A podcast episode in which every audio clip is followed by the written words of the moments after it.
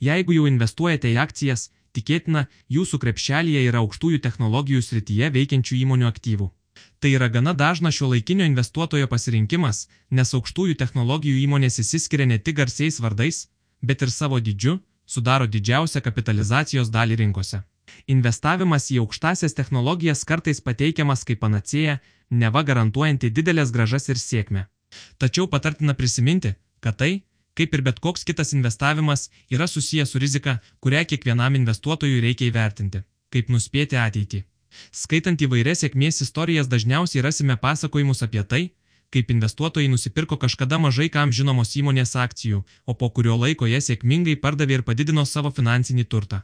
Tai gali pasirodyti kaip trokštamas kelias investavimo sėkmės link, vis dėlto, kaip nuspėti ateitį ir ar tai apskritai yra įmanoma.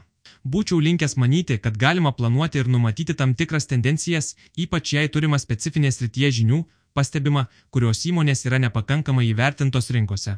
Vis dėlto, nuspėti ateitį - vargu, ar įmanoma. Panašios sėkmės istorijos labiau yra atsitiktinumas. Todėl investuojant verčiau reikėtų netikėtis laimėti loterijoje, o remtis tradiciniais investavimo patarimais ir subalansuoti savo portfelį, tinkamai diversifikuojant rizikas.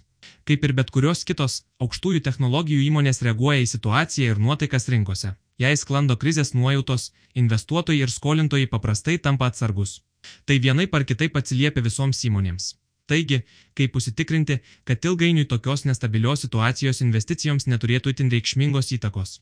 Pasitarnaus pamatinės investavimo taisyklės. Daryti tai periodiškai, diversifikuoti portfelį, rinktis plataus spektro akcijų indeksus ar fondus. Noriu investuoti į dirbtinį intelektą. Ką daryti? Aukštųjų technologijų sektorius yra itin besikeičiantis, konkurencingas ir nuolat tobulėjantis. Vienas naujausių pavyzdžių - dirbtinis intelektas ir jo perspektyvos. Vis dėlto, Norint investiciją susijęti su šia technologija, tai padaryti nėra taip paprasta. Kol kas šioje konkrečioje srityje dirbančių įmonių yra labai mažai, arba tokių įmonių akcijos dar nėra platinamos viešai.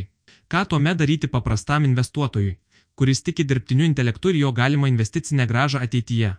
Tokiu atveju galima rinktis tas įmonės, kurios nors pačios tiesiogiai ir nekuria su dirbtiniu intelektu susijusių produktų, tačiau investuoja į šią technologiją. Kitaip tariant, investuotumėte į kitų dirbtinio intelekto investicijas. Turbūt nesuklysiu sakydamas, kad šiuo metu ko nekas antra įmonė, skelbdama savo rezultatus, pranešimuose paminė ir dirbtinį intelektą, pradedant nuo vaistų pramonės, baigiant gaiviųjų gerimų gamintojais ar picų restoranais. Šiuo metu didžioji dalis įmonių į savo veiklos procesus siekia integruoti dirbtinį intelektą ir skirtingai šią technologiją pritaiko.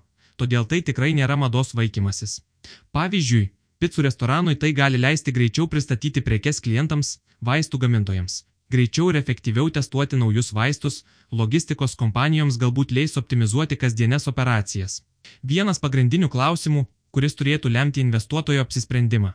Kuri įmonė iš to daugiau uždirbs? Ar galime patikėti patarėjo funkciją HATPT? Kitas su dirbtiniu intelektu ir investavimu susijęs klausimas. Ar dirbtinis intelektas gali būti tinkamu patarėjų priimant sprendimus? Šiuo metu yra net atskirų fondų, susikūrusių ir veikiančių dirbtinio intelekto pagrindu, todėl tai tikrai nėra naujiena. Tokie įrankiai kaip HAT dirbtinį intelektą dar labiau priartino prie kiekvieno investuotojo. Pradedantiesiems šis įrankis iš tikrųjų gali būti naudingas susipažįstant su investavimo terminologija, kaupiant bazinės žinias, suprantant skaičiavimo metodikas ir panašiai. Mokant programuoti, dirbtinio intelekto panaudojimo galimybės tampa dar platesnės, todėl ir atsiranda vis daugiau įmonių, kurios HAT pritaiko investavimui.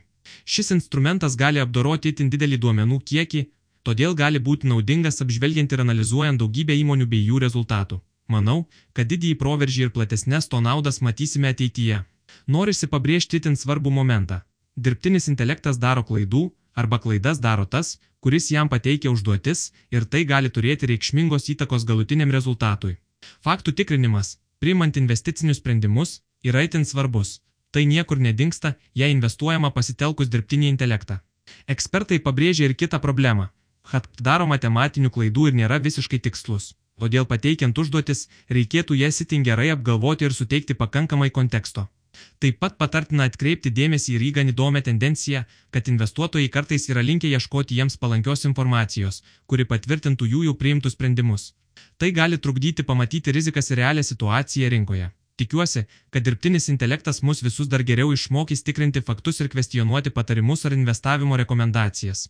Įdomu tai, kad būtent Hat sugalvojo pavadinimą šiam mano komentarui ir jeigu jį įsirinkote iš didžiulio informacijos rauto bei perskaitėte iki galo, tai tapo dar vienu dirbtinio intelekto laimėjimu. Plečiant visų mūsų žinias apie investavimą.